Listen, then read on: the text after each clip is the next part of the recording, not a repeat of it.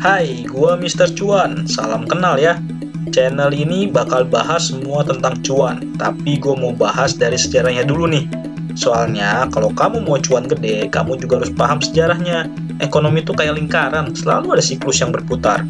Untuk itu, kamu harus tahu masa lalu biar bisa prediksi masa depan. Dan jangan lupa juga subscribe, like, komen, bagikan, dan hidupkan notifikasi biar lu nggak ketinggalan video gue.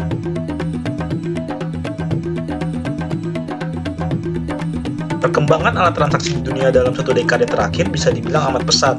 Dari uang kartal yang terdiri dari uang kertas dan logam dikembangkan menjadi uang elektronik hingga adanya uang digital seperti mata uang kripto, yakni Bitcoin.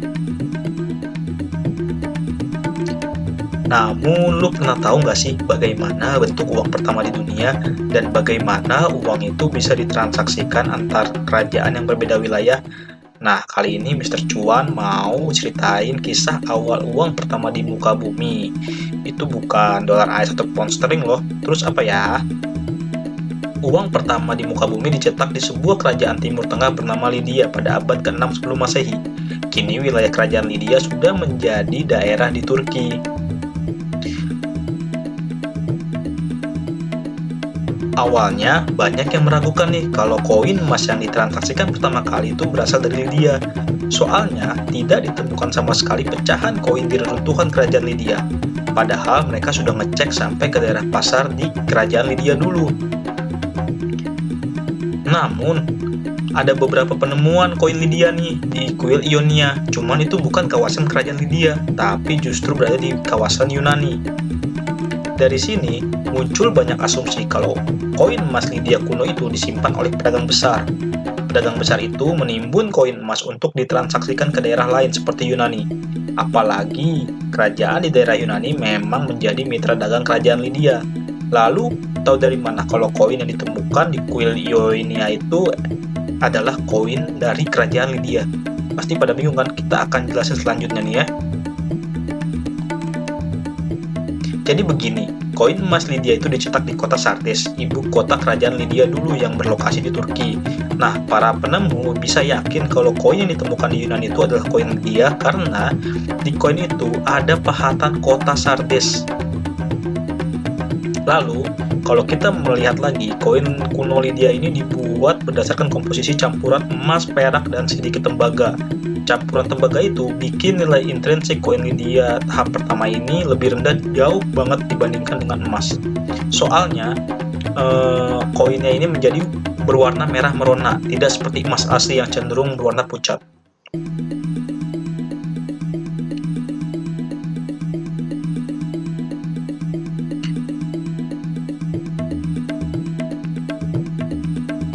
Lalu, koin Lydia ini juga punya sekitar 6 pecahan loh.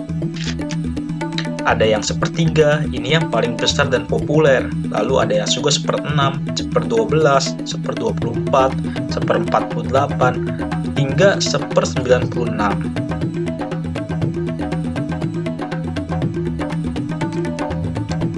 Lalu, koin emas Lydia ini juga sangat populer di antara pedagang global. Mungkin mirip-mirip dolar AS ya kali ya kalau kayak sekarang.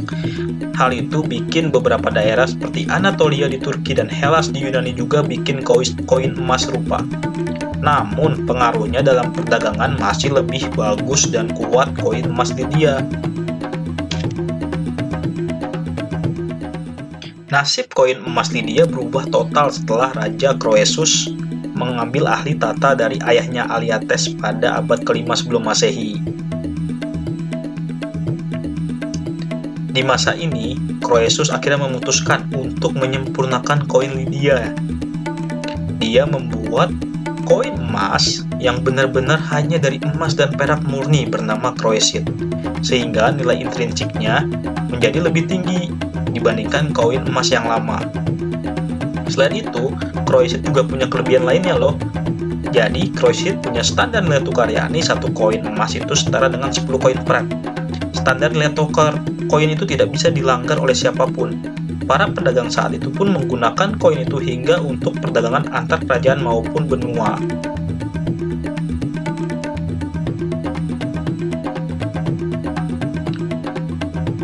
Setelah kerajaan Lydia jatuh di tangan kerajaan Persia, Croesus masih sempat digunakan sebentar nih oleh kerajaan Persia. Namun, setelah itu, Croesus digantikan dengan koin emas kedua yang diakui oleh dunia buatan kerajaan Persia. Koin emas buatan Persia itu bernama Dari.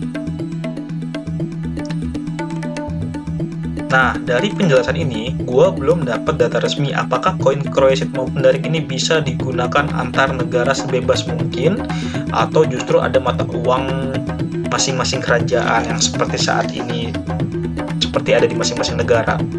Selain itu juga tidak ada data apakah ada bank sentral yang mengatur penerbitannya.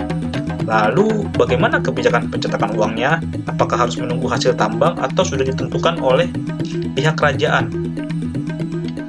Menurutmu gaya transaksi dan penyediaan koin Croeset ini mirip Bitcoin nggak?